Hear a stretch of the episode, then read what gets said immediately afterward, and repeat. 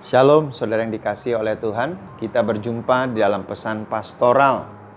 Saya berdoa kita semua dalam keadaan yang baik-baik saja dan sehat-sehat saja. Hari ini saya mau berbagi pesan pastoral yang saya berikan tema yaitu reaksi di dalam menghadapi konflik. Beberapa hari yang lalu kita belajar bersama-sama tentang sumber-sumber konflik atau apa penyebabnya konflik itu. Dan kita juga sudah belajar tahapan-tahapan daripada konflik sampai kepada yang namanya krisis.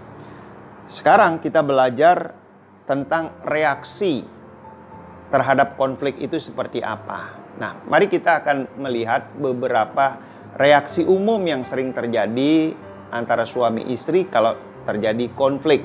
Sekali lagi saya ingatkan, konflik itu bisa terjadi walaupun suami istri itu saling mengasihi. Karena apa? Karena di mana ada individu, di situ ada perbedaan-perbedaan. Nah, mari reaksi yang pertama adalah mengalah. Mengalah asal damai ini merupakan ciri dari reaksi dalam menghadapi konflik. Walaupun suami istri menyukai reaksi ini dan dianggap reaksi ini cukup manjur untuk menyelesaikan konflik. Tapi ternyata ada kelemahannya. Dalam jangka panjang ini akan mengkikis rasa hormat, saling menghormati. Mengapa demikian? Karena mengalah itu ada tujuan-tujuan yang dikorbankan. Reaksi yang kedua adalah mendiamkan ada pemikiran juga dengan mendiamkan konflik itu akan menjadi selesai. Ternyata juga tidak. Mengapa? Karena ada tujuan-tujuan yang juga tidak tercapai. Nah, bahkan mendiamkan itu ada kecenderungan suami istri menghindari daripada penyelesaian masalah. Artinya, masalah yang sesungguhnya itu belum selesai di dalam konflik tersebut. Reaksi yang ketiga adalah merasa menang. Nah, bagaimana merasa menang itu terjadi? Yaitu karena merasa kesejahteraan, masa mas, e, merasa kesenangan, konsep pribadi merasa terancam, mungkin ada cenderung memilih berjuang untuk memenangkan konflik tersebut. Yaitu dengan cara berteriak, berteriak, mengancam, menekan, memanipulasi Sebenarnya cara reaksi yang seperti ini tidak juga menyelesaikan konflik. Bahkan ada kecenderungan ke depannya itu menyesal atas apa yang dilakukannya.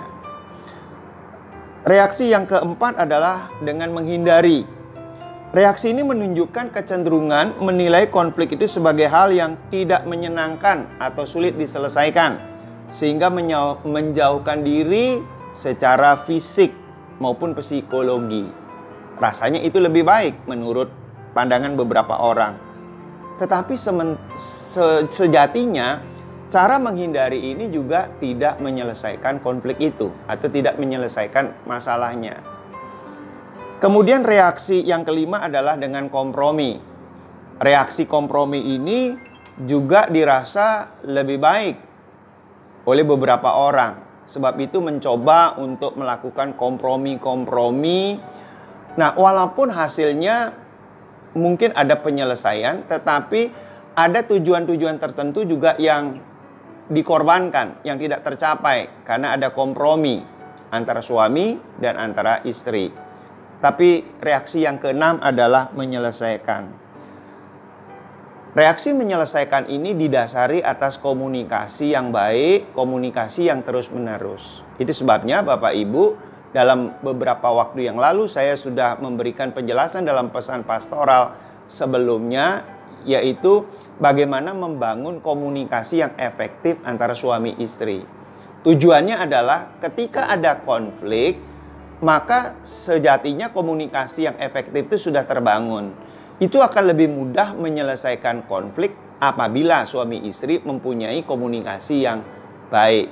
Nah, sekarang pertanyaannya, dari reaksi yang pertama sampai dengan yang keenam, yang mana lebih bagus reaksinya? Nah, mari kita sama-sama belajar untuk membangun reaksi yang keenam, yaitu apa? Menyelesaikan konflik melalui apa? Komunikasi yang efektif antara suami istri. Oleh sebab itu Bapak Ibu, sebelum terjadinya sebuah konflik di dalam hubungan suami istri, kita belajar untuk terus-menerus membangun komunikasi kepada suami istri. Nah, biarlah ini menjadi menjadi pembelajaran buat kita ketika kita menghadapi konflik. Mari kita sama-sama berdoa. Bapa di dalam nama Tuhan Yesus, kami mengucap syukur, kami boleh belajar bersama-sama tentang reaksi dari konflik.